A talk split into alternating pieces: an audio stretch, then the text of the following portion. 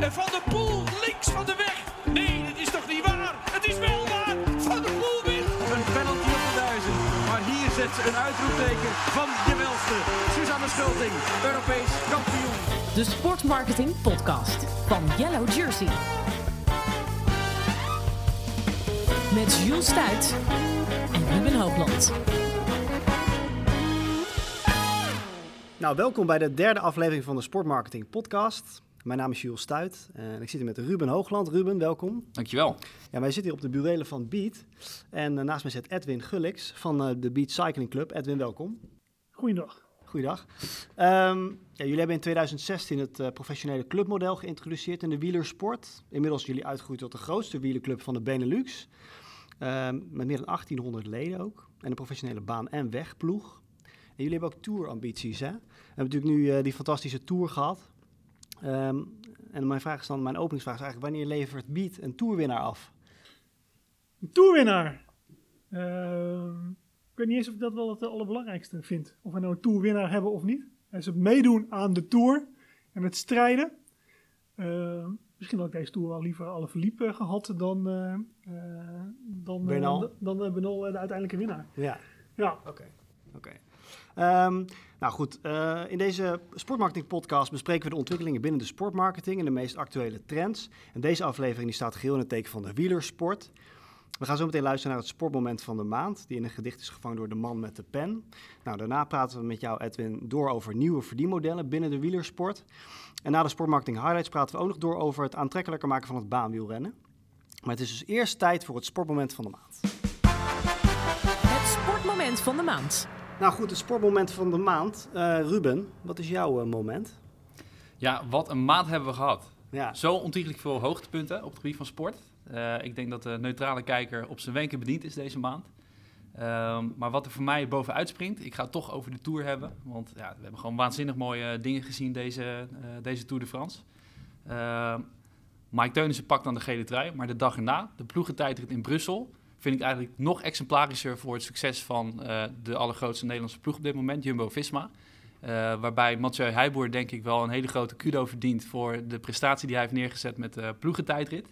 Nou, hoe die jongens op elkaar ingespeeld waren en hoe zij als team eh, gewoon een heel traject hebben doorlopen om dit moment nou, als apotheose te pakken voor waar zij naartoe geleefd hebben. Ja, dat is echt één hele dikke chapeau. Ja. Eh, en ja, hoe ze dan na de finish elkaar in de armen vliegen. Ik vond dat een, eh, een heel mooi moment deze maand. ja. heb jij het ook nauwlettend allemaal gevolgd? eh, of is, ja, dat is eigenlijk geen vraag misschien. Maar... dat is geen vraag. Nee, ik, ik heb er bovenop, eh, bovenop gezeten. Ja. ja, ja, ja. Ja. misschien wel de beste tour in jaren die we hebben gezien. eh. Ja, zeker. Ja, ik heb genoten. Mooi. Als ik jou nou vraag, sportmoment van deze maand, die helemaal vol zat met sport eh, hoogtepunten en ook wel dieptepunten. Ja, ik zat eigenlijk te denken, als Ruben nou Marianne Vos kiest, dan kies ik Adrie van de Poel. En als die van de Poel kiest, kies ik Marianne Vos. dat lost het dus niet op, nu moet ik nog steeds kiezen. ja. En dan kies ik eh, Marianne Vos. Oké. Ehm, omdat ik wel enorme bewondering heb dat je na zoveel tijd toch nog steeds de focus en eh, echt, echt de wilskracht kan opbrengen om het gewoon nog eens een keer allemaal eruit te persen. We hebben natuurlijk allemaal die laatste sprint gezien, hoe ze die, eh, hoe ze die koersen nog, nog won. Ja, daar heb ik echt wel een enorme bewondering voor. Nou ja, dat zijn twee, twee eh wielrenfragmenten of ja, momenten en dat is natuurlijk ook logisch. Ehm, maar eh, we hebben altijd de huisdichter, de man met de pen. En die heeft ook een sportmoment geselecteerd en dat heeft met voetbal te maken. Ga even naar luisteren. En daar komt Groene dus. Daar is hij. Jackie Groene. Het Nederlands elftal gaat naar de finale van het wereldkampioenschap voetbal.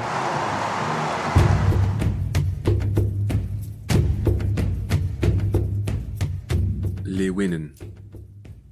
De werkelijke aard van kampioenen, die schuilt niet in euforische momenten of in op gras geshowde speltalenten, maar juist in tijden dat je voetbalschoenen, het doel of het gevoel plots zijn vergeten, zodat er gif en wilskracht bij komt kijken en iets dat zegt, nu ga ik over lijken, iets dat je zweet doet zuipen, kalk doet vreten.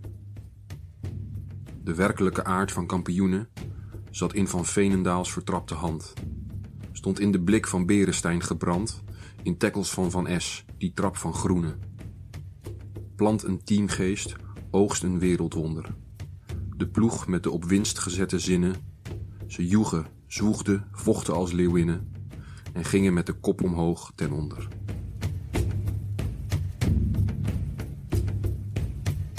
Rapar maakt een einde aan deze finale en Amerika is voor de vierde keer wereldkampioen voetbal. Het is zuur, het is heel erg zuur. Je wil gewoon wereldkampioen worden. Die teleurstelling is wel groot. Ja, het is jammer. Als je zo eh, dichtbij komt. En eh, we zijn allemaal hartstikke trots natuurlijk, maar het is ook wel heel jammer.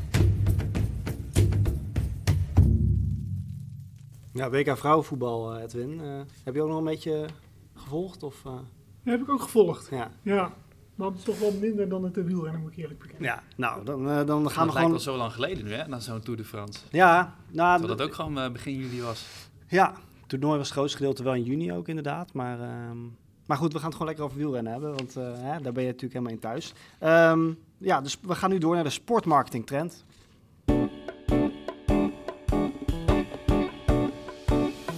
De sportmarketing trend. Ja, het is een veelgehoord kritiekpunt op het wielrennen. Ploegen die zijn te afhankelijk van hun sponsor. Denk bijvoorbeeld aan de Vacantie Soleil DCM-ploeg of Roompot, is natuurlijk het laatste geval. Ja, en ziet de noodzaak om te breken met de structuur, waarbij alleen eh, één of enkele naamgevende sponsoren garant staan voor de enige financiële inkomsten. Ja, Edwin, welke nieuwe mogelijkheden zien jullie bij Beat nou ehm, voor het creëren van alternatieve verdienmodellen? En, en, Eh. en passen jullie nou ook ooit in de praktijk toe? Ja, kijk, wat we doen, hè, je hebt het over breken met het eh, huidige, eh, het huidige model. Eh, ik zou zelf meer zeggen, wat wij doen is een alternatief ernaast zetten. Dus ik ben niet tegen de huidige manier zoals het wielrennen georganiseerd is. Mhm. Het enige wat wij elke keer zeggen, is dat het huidige model wel hè, erg wankel is. Dus je hebt twee sponsoren en een team. Eh, en we zien gewoon elk jaar dat dat eh, eh, problemen oplevert. Hè. Dit jaar al met Katusha en alle onzekerheid. Roompot eh, die nu weer voorbij komt. Ja. En dat is een onzeker model. Maar ik ben er op zich niet op tegen. Hè. Dus als teams dat model kiezen, moeten ze dat vooral zelf weten. Enige wat wij zeggen is van er is ook een alternatief model denkbaar. En dan gaat het niet over een alternatief financieringsmodel, maar echt gewoon een andere manier om je team te organiseren. En als je vanuit die gedachte gaat denken, eh, dan zit je in een hele grote rij met allerlei andere partijen die uit deze gedachtegang eh, eh, putten. En daar kiezen wij onze eigen manier eh, in. Mhm. Ehm, maar in dezelfde rijtje zit ook Rafa die samenwerkt met IF, die dingen op een andere manier proberen te doen. En IF die met zijn gravel rides een andere perspectief kiest. Ja, er zijn webwinkels die clubs oprichten. Dus, iedereen in het wielrennen is wel een beetje zoekende. Mhm. Ehm, en wij ook. En wij hebben daar onze eigen oplossingen voor eh, bedacht. En die zit met name in die clubstructuur die wij hebben Ja. neergezet. Dan kun je dat dus even kort uitleggen wat dat inhoudt en nou, hoe, dat, hoe dat in zijn werk gaat? Ja, als ik, kijk, als ik het bij mijn kinderen uitleg, dan zeg ik, wij zijn een club. En we zitten hier in Rotterdam. We zijn net een beetje zoals eh, Feyenoord. Hè, Feyenoord is wit en rood. Heeft een mooi eh, shirt. Staat wel een sponsor op de borst, maar heet Feyenoord. Als je hier nou het Maasgebouw binnenstapt en je zegt, jongens, ik heb een heel mooi plan. We gaan volgend jaar het shirt eh, geel maken. En we zetten een groot supermarktketen eh, erop. En we gaan de teamnaam ook veranderen. En dan word je heel stiekem langs de, de zijkant van het Maasgebouw naar buiten hè, Ja. eh, gedirigeerd. Want, anders kom je er gewoon niet levend uit. Nee. Dus die, die club, die, dat, dat clubcultuur, de clubhart, weet je, die, die, zoeken, die zoek ik ook voor, voor Beat. Uiteindelijk moet het daar naartoe groeien. En dat heeft nodig en dat heeft, hè, dat, dat, dat, heeft historie nodig. Dus die historie moeten we opbouwen voordat je zover eh, bent. Ja, die historie, dat vind ik wel interessant dat je dat zegt. Want eh, is het niet zo dat juist vanuit eh, de historie, ik bedoel, we kennen allemaal ploegen als Panasonic, zoals Team Rally. en dat zijn ook merken of sponsornamen die hun naam gekoppeld hebben aan een ploeg. En die ploeg ook identiteit hebben gegeven. En is dat niet juist hetgeen wat sponsoren interessant vinden aan het wielrennen? Kijk naar een Jumbo-Visma. Die zijn nu eh, helemaal geel in de, in de kleur van Jumbo. En er komt dan een Visma bij. Ehm, en die hebben ook een eh, lange termijn samenwerking eh bekokstoofd met elkaar. Vijf jaar en daarna voor onbepaalde tijd. Ehm, denk je niet dat het juist voor een Jumbo als hoofdsponsor in deze belangrijk is dat die identiteit juist ook in zo'n ploeg en in de, in, de, in, de, in de cultuur van die ploeg tot uiting komt? Nee, maar ik denk dat je het helemaal goed zegt. Eh, maar ik praat vanuit het teambelang. Dus ik zeg, teams zijn er beter bij eh, gediend als je naar alternatieve systemen ook zou gaan. Ik praat niet vanuit partnerbelang. Ik kan me heel goed voorstellen dat partners zeggen, joh, maar ik krijg bij de bestaande structuur krijg ik veel meer waarde. Want ik stap er Ja. vrij risicoloos in. Mijn eh, financiële commitment is eh, gekend. En als ik er weer uit wil stappen, stap ik er gewoon weer uit. En dan laat ik gewoon achter wat, ik, wat ik achter laat. Ehm, dat is voor, voor de sponsors is dat wel een hele mooie, heel, mooi, heel mooi construct. Ja, Alleen ik vind, die teams zijn daar niet mee geholpen. Dus als je vanuit teambelang eh, denkt, dan kun je over andere structuren nadenken. Maar als ik praat over beat, en we blijven altijd beat heten, en we hebben dat fijne gevoel, en de clubkleuren blijven hetzelfde. Ik snap ook wel dat ik eh, richting eh, sponsoren de waarde aan het verlagen ben. Omdat je de teamnaam niet krijgt en je krijgt de kleur van mijn shirt eh, krijg je niet. En hoe gaan jullie daarmee om? Zijn er dan dingen die jullie verzinnen die eh, juist wel meer waarde creëren voor pot- potentiële partners en, en, en de huidige partners? Nou, dus wat wij doen is wij zetten daar, dus aan de ene kant verlagen we de waarde die je kan toekennen aan het hebben van de naam en de, en de kleuren. Aan de andere kant zetten we een nieuwe waarde neer. Dat we zeggen, nou, het huidige model gaat heel erg over team en partners en de samenwerking erin. En daarin het inspireren van eh, de volgers eh, van het uh, wielrennen. En als je succesvol bent, dan inspireer je veel en ben je succesvol. Hè? Jumbo op dit moment. En als je niet zo heel veel wint, dan is het wat moeilijker. Sunweb op dit moment. Ja. En dat is het huidige model. Wat wij zeggen is, nou, wat er gebeurt er nou als je naast die relatie team-partner nog twee elementen toevoegt. Aan de ene kant dus de leden. Je gaat een community opbouwen die je heel dicht bij je houdt, waar je iets mee zou uh, kunnen. En aan de andere kant, wat we hebben gedaan, is uh, we hebben de, de shop uh, neergezet. Waardoor je op een andere relatie met je partners eh, uit, uitkomt. Ja. Um, en voor sommige partners is dit de oplossing. En voor andere partners misschien ook niet. Hè. Dus dit, ik kan me heel goed voorstellen dat er voor heel veel partners gewoon het huidige model een hele goede oplossing is. Ja. En ik denk voor andere partners, waar wij op mikken, dat zijn de partners die geïnteresseerd zijn in het associëren met de vernieuwing, met uh, innovatie, uh, met het hebben van een connectie met een vaste achterban, met het hebben met een connectie met een shop, uh, een nieuwe manier van storytelling. Nou, die partners die passen bij ons en die, daar zijn wij naar op zoek. Ja. En dat zijn dus partners die affiniteit hebben met die uh, manier van een club zijn, een community bouwen. Uh, ja. En anderzijds gebruik willen maken van het feit dat jullie een uh, wielren-community zijn. En dat daar dus gepassioneerde mensen die actief of passief iets met wielrennen doen. Dat, dat is dan dus de waarde die er tegenover staat. Ja. Het gebruik maken van die community. Ja, zoals ik al vaak uitleg, wij zijn een wielerclub. Ja. En hier op kantoor bestaan we uit wielergekkies. En wij zijn allemaal gedreven door het feit dat wij super tof vinden dat we twee profploegen nu uh, erbij hebben. Ja. Uh, en dat je uh, daar heel dicht bij bent en dat Theo Bos af en toe hier op kantoor langskomt. Vinden we allemaal leuk. Maar we vinden het ook leuk als de profwielrenners een rondje IJsselmeer gaan doen. Om te kijken van hoe hard kun je nou om dat IJsselmeer heen fietsen. Wat ik heel erg leuk vind, we hebben Herman hier op kantoor zitten. Die gaat dan naar de start van de Giro en dan gaat hij zo'n mobike huren. Zo'n olifantenfiets. en dan gaat hij dat eerste klimmetje gaat hij omhoog gaan kijken of hij daar boven kan komen. vind ik ook super tof. Dus eigenlijk dat, dat gevoel, hè, die cultuur, dat, dat, is voor mij is dat het uh, beatgevoel. Uh, ja, en tegelijk hebben jullie ook uh, op professioneel niveau grote ambities. Jullie zouden willen toegroeien naar een situatie dat jullie in de toekomst de Tour de France gaan, gaan rijden bijvoorbeeld. Wat toch wel ja, het allerhoogste podium dat je als wielerploeg kan behalen is. hoeveel tijd heeft het nodig, denk je, voordat dat realiseerbaar is?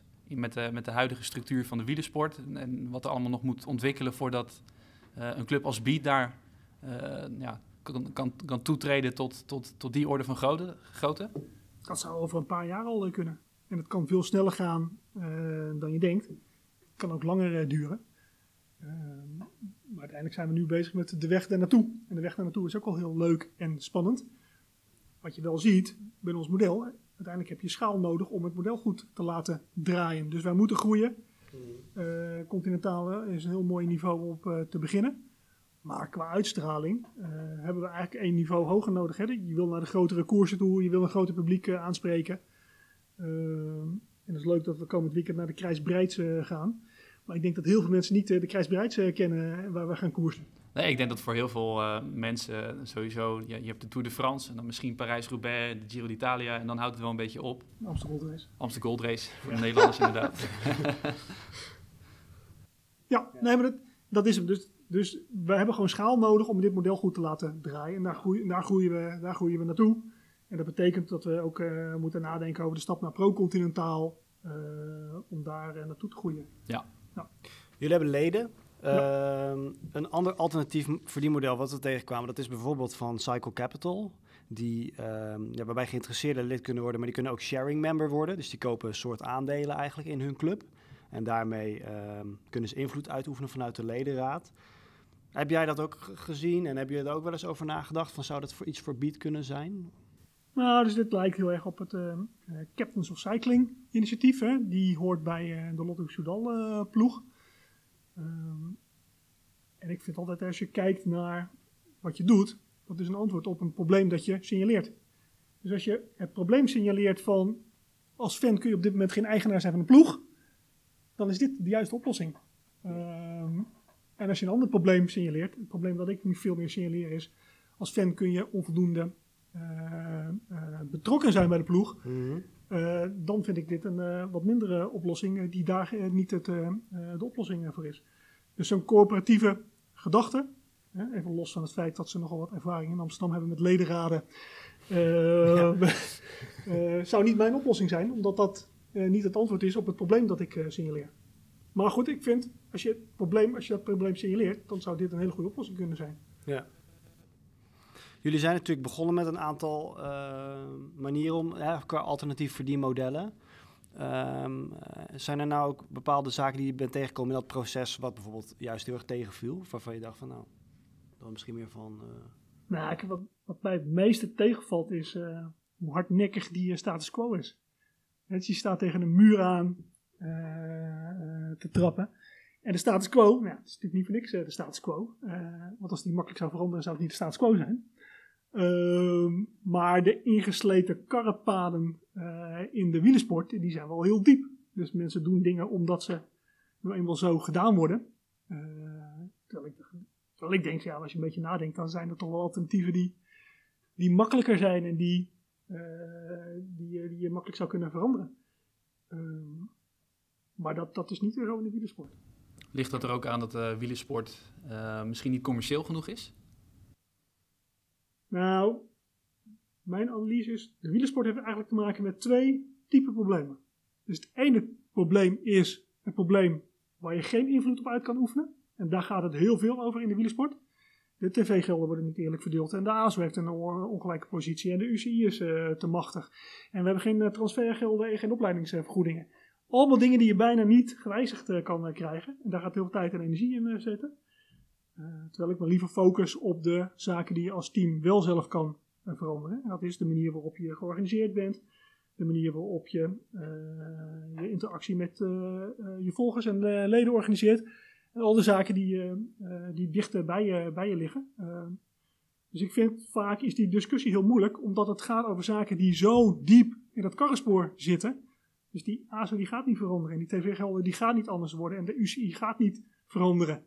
Dat, dat, dat is nou eenmaal eh, zo. Ja. Eh, En wat kunnen jullie als club doen om eh, wel verandering teweeg te brengen? En via jullie eh, innovatieve clubmodel, eh, of nou ja, zo innovatief is het misschien niet als je kijkt naar andere sporten, maar in het wielrennen eh nieuwe, eh, eh, nieuw model, ehm, stappen te maken. Stel dat we zeggen 2024, eh, we stellen dat als deadline om eh, als eerste club ooit naar de Tour de France te gaan. Ja, Wat kunnen jullie nu binnen middellange termijn doen om eh, meer waarde te creëren voor sponsoren, zodat het financieel mogelijk wordt voor jullie om eh, daartoe te komen?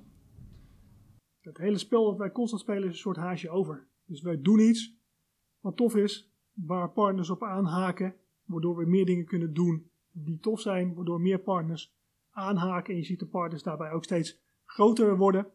Eh dus recentelijk eh Binkbank die eh, aangehaakt is, wat weer een nieuwe naam is, die ons weer tot nieuwe dingen in staat stelt.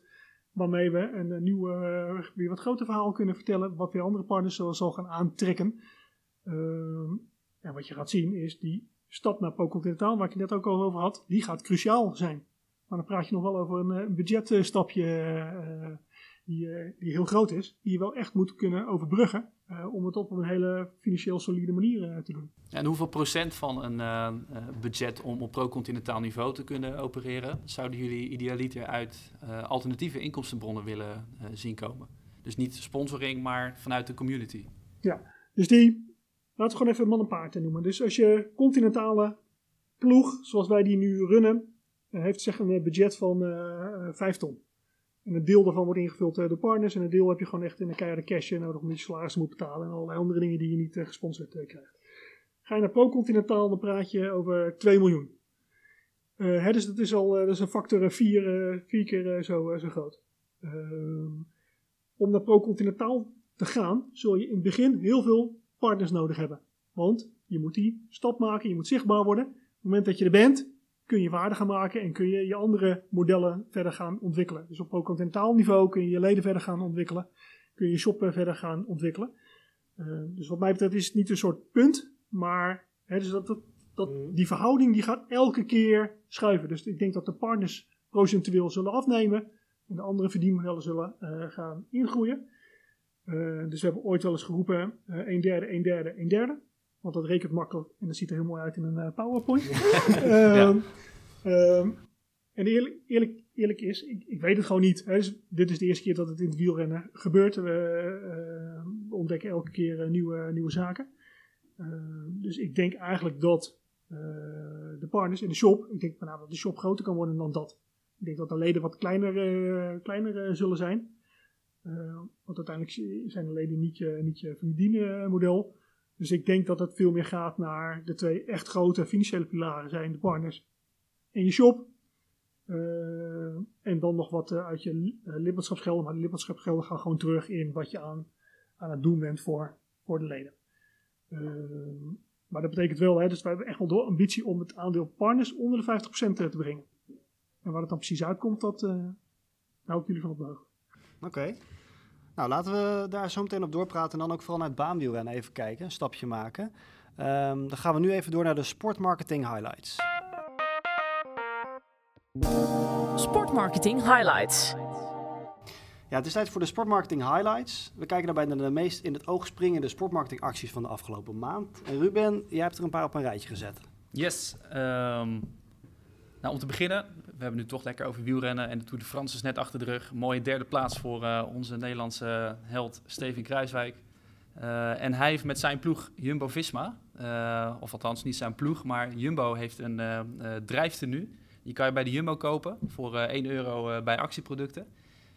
en ja, je ziet overal tijdens je vakantie misschien nu wel allemaal ja, Jumbo drijftenu's in het water liggen. ik vond dat wel een hele leuke manier van, van partneractivatie. Uh, een tweede, dat is ook wel een leuke, dat is namelijk een primeur in de voetbalwereld. Uh, Racing Genk, een Belgische voetbalclub, die heeft voor het eerst een shirtpresentatie gedaan via augmented reality.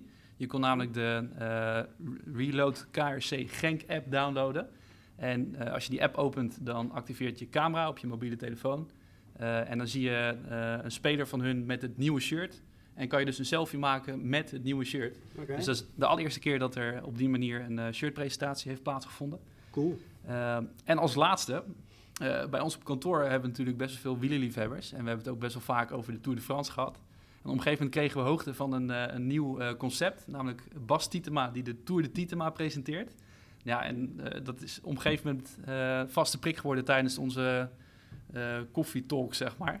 Ja. echt super grappig hoe die ja, op een totaal andere manier dan wat de gevestigde journalisten doen, uh, de dingen uh, ja, laat zien vanuit zijn belevingswereld. Ik weet niet of jullie op kantoor ook hebben gekeken, Edwin. Ja, ik vind het fantastisch.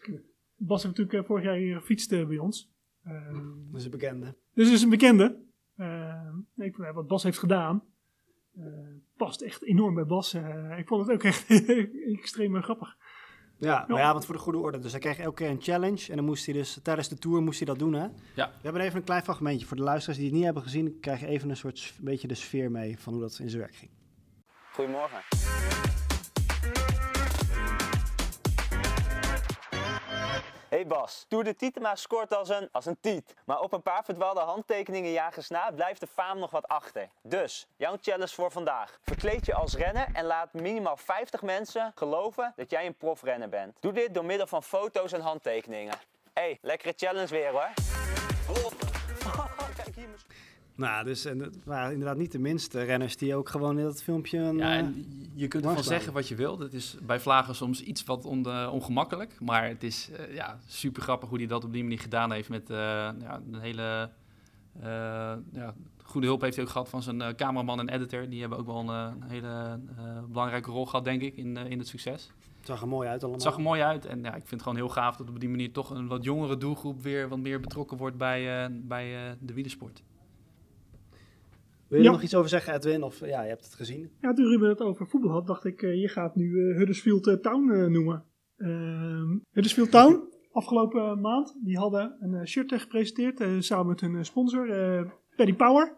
En die hadden een eh, shirt eh, gepresenteerd waar echt Paddy Power van linksonder naar rechtsboven echt een koeienletters over het eh, shirt heen eh, liep. Oké. Eh, wat eh, allerlei vragen opriep van de bond. Eh, waarna ze de eh, campagne, eh, de hashtag eh, Save Our Shirt hebben gelanceerd. Ze zeggen, jongen, we willen helemaal geen sponsor op de borst. We willen gewoon een clean shirt hebben. Dus dat is een enorme, enorme aandachtstrekker geweest in, eh, in eh, Engeland. Eh, die ging eigenlijk over wat is nou de waarde van de partner op het shirt. Wat ze geïntroduceerd hebben door met koeie- koeienletters erop te zetten en het dan eh, weer eh, eraf eh, te halen. Oké.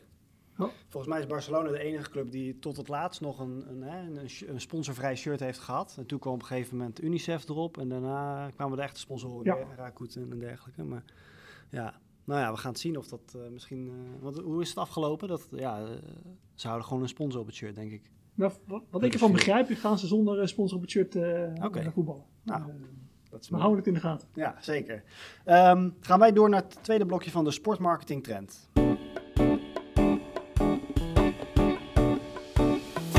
De sportmarketing trend. Ja, de UCI die maakte in juni haar plannen bekend om onder meer de huidige wereldbekercyclus te schrappen. In plaats daarvan zou er een soort Nations League komen. Geen commerciële ploegen, maar alleen landenteams.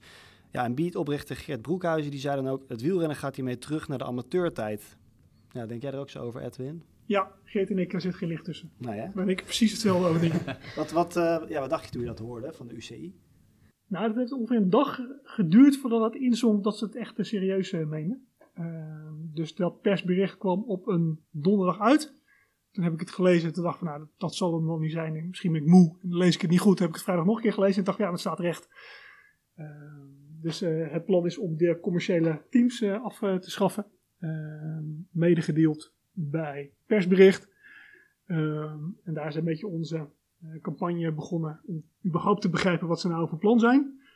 Eh, om vervolgens eh, ook actie te voeren. Wij, jongens, maar we zijn een van die teams eh, op de baan die nu dreigen te worden afgeschaft. En dan ga je terug naar een Nations Cup, waar alleen de bonden voor worden uitgenodigd. Dan ga je terug van zes wereldbekers naar drie wereldbekers. Ehm, dat betekent dat wij in Nederland straks veel te veel baanwielrenners gaan hebben. Ehm, en krijg je veel meer een soort amateurstatus tussen, tussen eh, de landen. Dus ik begrijp, niet, ik begrijp niet goed waar ze mee bezig zijn. Eh, en waarom dit nou een goed plan eh, zou zijn. Ehm, maar dat, we zitten midden in dat proces om dat wel, wel te gaan begrijpen. Oké. Ehm, ja, want als we even kijken naar het baanwielrennen tegenover het wegwielrennen. Hè. Het baanwielrennen is dan misschien wel een relatief kleine sport. Maar jullie zien echt wel voldoende aanknopingspunten om dat commercieel aantrekkelijker te maken. Hè? Hoe, hoe zou je dat nou, zou je, ja, zie je dat voor ogen om dat te doen? Ja, dus de grap in het wielrennen, dat is ook een van de ingesleten karrensporen, is, dan zeg je van nou we gaan een club doen. En dan zeggen mensen ja maar dat is heel moeilijk, want de voetbalclub die zit in een stad en die eh, heeft een stadion en eh, jullie niet. En eh, hoe ga je dat nou doen? Ik zeg ja maar we hebben wel een stadion, we hebben een baanteam. Die rijden gewoon binnen in een stadion ehm, en gaan daar eens met die blik naar kijken. Ehm, dat je een baan, een team hebt in een stadion. En wat voor waarde zou je daar nou mee kunnen doen? Ehm, en dan zie je dat hè, de baansport is een, eh, een niche sport. Ehm, terwijl het op de Olympische Spelen een van de vaandeldragers is van hè, de Olympische Spelen. Dus daar zit een enorme discrepantie eh, in. Ehm, en in mijn optiek begint dat, moet je terug naar de core van hoe zit die sport nou in elkaar? Ben je wel met een verhaal bezig gedurende het seizoen, waarin je zo'n eh, baansport, eh, waarin je de mensen meeneemt. Hè, wat je nu ziet, dat zijn heel erg losstaande wereldbekers. Ehm, waar heel een veel, beetje loszand op die manier. Of, nou ja, het is wel een sport waar je even in moet eh, duiken.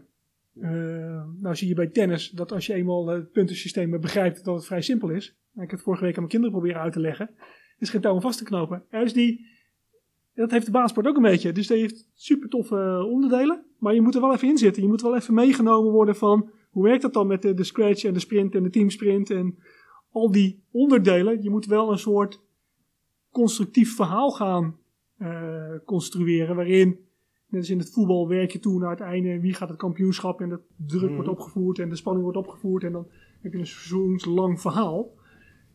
De baansport heeft ook behoefte aan zo'n verhaal. Die begint ergens en die eindigt op het wereldkampioenschap. En dan dat je helemaal meegenomen bent in dat, in dat hele verhaal. Nou, daar vind ik, daar heeft de baansport nog wat eh, moeite mee. En daar zouden wij echt wel aan willen bijdragen. Dat je het verhaal veel beter gaat neerzetten en dat daar een veel beter eh, uitstraling eh, komt. Eh, en daar waren we ook heel hard mee bezig. Daar zijn we heel hard mee bezig met ons, met ons baanteam. Oké. Ja, want dat, en dat is dus de grootste uitdaging als ik je zo beluister. Dus echt dat verhaal. Dus, hè? Ja, dus ik denk daar, daar, daar ligt de, oplossing met elkaar. En dat gaat helemaal niet tussen de tegenstelling tussen landen in commerciële teams.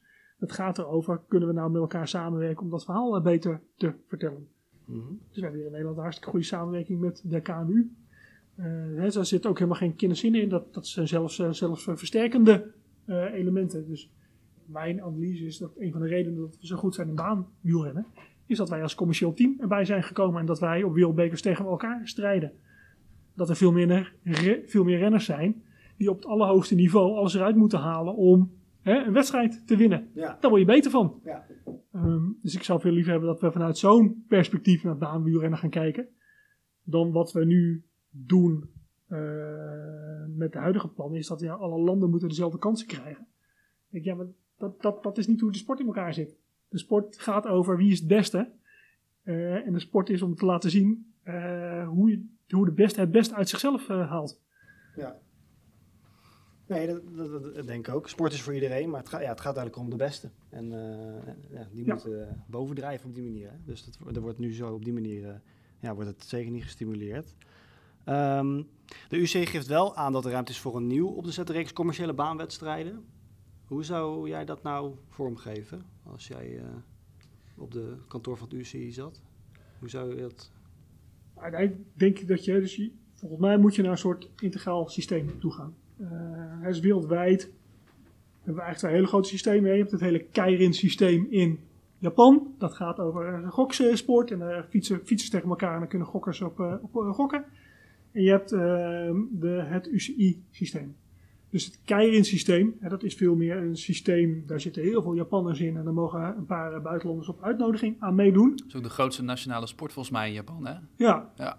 Maar de vraag is of dat nou echt ook hè, de topsport oplevert waar wij naar op zoek zijn. Hè, dus de topsport waar wij naar op zoek zijn, is iets anders dan eh, een zesdaagse organiseren. Hè, dus de zesdaagse hier in Rotterdam is misschien wel het leukste waar je naartoe kan gaan op eh wielergebied eh, op, eh, op de baan. En toch heeft ook de Zesdaagse het soms wel lastig om te continueren.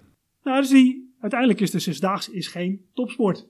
Hè, dus mijn vrouw vindt het heel erg leuk om mee te gaan naar de zesdaagse, omdat het gewoon een superleuke avond is. Ja. Ehm, en ergens in die combinatie van die elementen kun je eh, de topsporten op eh, gaan zetten. Ehm, en dan denk ik eh, bijvoorbeeld wat bij het shorttrack eh, is gedaan. Dat is topsport. En die hebben natuurlijk wel hier ook een, een kampioenschap neergezet in Rotterdam. Dat ook heel veel van die mooie show-elementen in zich had. Eh, maar we moeten niet vergeten, eind van de dag is het wel topsport. Ja. En dat moet, eh, dat moet er blijven. Eh, dus als je alleen een commercieel circuit opzet, eh, vind ik dat eigenlijk alleen interessant als dat gaat over de topsport. De sportbedrijven op het allerhoogste niveau. Als het een excuus competitie wordt, omdat eh, toevallig de landen tegen elkaar eh, moeten strijden en omdat wij er nu hard tegen ageren, er ook iets moet komen voor commerciële teams, ja, dan pas ik daarvoor. Ja. Dat heeft geen meerwaarde. Nee, dus ik wil meedoen op het allerhoogste niveau. Als we niet mogen doen op het allerhoogste niveau, dan gaan we dat proberen om dat toch te doen. Ja, eh, vaak heb je in eh, vergelijking eh, met het baanwielrennen... ehm, dat, dat, dat wordt vaak vergeleken met het lange baanschaatsen. En je ziet ook wel dat het lange baanschaatsen heel veel moeite heeft om commerciële ploegen op de been te houden. Het is vaak een piek rondom een Olympische cyclus. En dat begint meestal twee jaar voor een spelen en dan ebt dat daarna weer weg. En dan vallen de ploegen om. En ja, hoe denk jij dat het wel goed gaat in eh, de baanwielersport? Want ik neem aan dat jullie als commerciële ploeg eh, ook vinden dat er meer commerciële ploegen zouden moeten ontstaan, omdat het de sport ten goede komt. Eh, omdat het verhaal dan door die ploegen beter verteld kan gaan worden. Ehm, maar hoe, hoe, hoe kan de baanwielersport leren van de lessen van het lange baanschaatsen, waar het vaak ook fout gaat? Ja, dus die, onze oplossing is, ik denk dat wij het ook enorm moeilijk zouden hebben als wij heel beat zouden bouwen alleen rond één baanteam. Die typisch gezien veel minder wedstrijddagen maakt dan een wegploeg. Eh, onze oplossing is om die twee bij elkaar te zetten in de zomer met de wegploeg op de weg te zijn. En nu op dit moment met de baanploeg in de winter de wereldbekercyclus te rijden. En vervolgens onze renners mee te laten gaan naar de kampioenschappen. Ehm, door die twee bij elkaar te zetten, krijg je een zelfversterkend effect. Ehm, en wat ik wel mooi vind, is dat als je kijkt wie er nu rondrijden in het peloton, er zitten gewoon renners tussen die opgeleid zijn op de baan. dus er zit een enorme kans om ook je baansport in te zetten. Om mensen het eerste deel op te leiden uh, op de baan. Om ze daarna door te laten stromen naar uh, de weg. Um, uh, en dat, dat zou mijn les zijn. Hè, dat het lastig is in het lange baanschaatsen. Omdat ook daar de wedstrijddagen wel beperkt zijn. Dat het moeilijk is om op zo'n beperkte periode iets neer te zetten dat gewoon een heel jaar lang zichzelf kan, uh, kan bedruipen. Ja. Edwin, je bent een, uh, je bent een groot weerliefhebber, dat horen we nu zeker. um, en wij hopen dat er tussen de luisteraars er ook wel wat tussen zitten, want wij hebben namelijk uh, sinds deze aflevering ook een prijsvraag. Um, en daarvoor uh, kun je een prachtige Yellow Jersey mok winnen als je het goede antwoord weet. En de prijsvraag, uh, ja, je hebt hem. De prijsvraag die gaat deze keer over een um, fragment uh, van een bekende Nederlandse wielrenner die een tour-overwinning pakte. En de vraag is natuurlijk, om welke wielrenner gaat het? En de naam is natuurlijk weggepiept. Maar misschien op basis van het commentaar wel nou, erachter zien te komen. Is de vraag aan mij? De vraag is eigenlijk voor de luisteraar. Oh, oké. Okay. Maar we gaan zo wel even kijken of je het misschien toch weet. Nog één keer omkijken en nu het vuistje ballen. Op weg hier in de laatste 500 meter. En de anderen komen er niet meer aan, want het verschil is 20 tellen. 20 tellen rij je nooit meer dicht. Ja, nu juichen. Want het gaat niet meer om de tijdwinst. Het maakt niet uit voor het algemeen klassement. Maar hier ga je een pakken hoor. Die Nederlandse Tourzegen. Die etappe-overwinning in de Tour. Waar we zo lang naar hebben gesmacht. We waren een beetje het lachertje van het internationale wielrennen de grote landen. Die hadden allemaal etappe-overwinningen. Nederland niet. Negen jaar lang droog gestaan. En nu nat, kletsnat. Zoals het weer hier buiten is. Wat is het een verschrikkelijk weer. Nu sproeiend van de regen over de finish. Ja, als je het goede antwoord weet naar welke wielrenner we zoeken, dan kun je dat uh, sturen naar podcast.yellowjersey.nl. Ik zag Edwin even hardop nadenken. Heb je een, uh, heb je een idee? Of, ik heb een idee. Oké, okay, nou we gaan niks verklappen natuurlijk, maar uh, we horen zo wel even of je het goed had. um, nou, tot zover deze aflevering van de Sportmarketing Podcast. Edwin, dankjewel voor je tijd en dat, we, dat je ons hier wilde ontvangen. Ja, graag gedaan. Um, Ruben, bedankt. Graag gedaan. En um, volgende maand hebben we natuurlijk weer een nieuwe podcast. Als je reacties of opmerkingen hebt, dan mag dat naar podcast.yellowjersey.nl. En dan zeg ik heel graag tot de volgende keer. Tot zover deze aflevering van de Sportmarketing Podcast. Vergeet niet te abonneren op de podcast in jouw favoriete podcast-app. Dankjewel!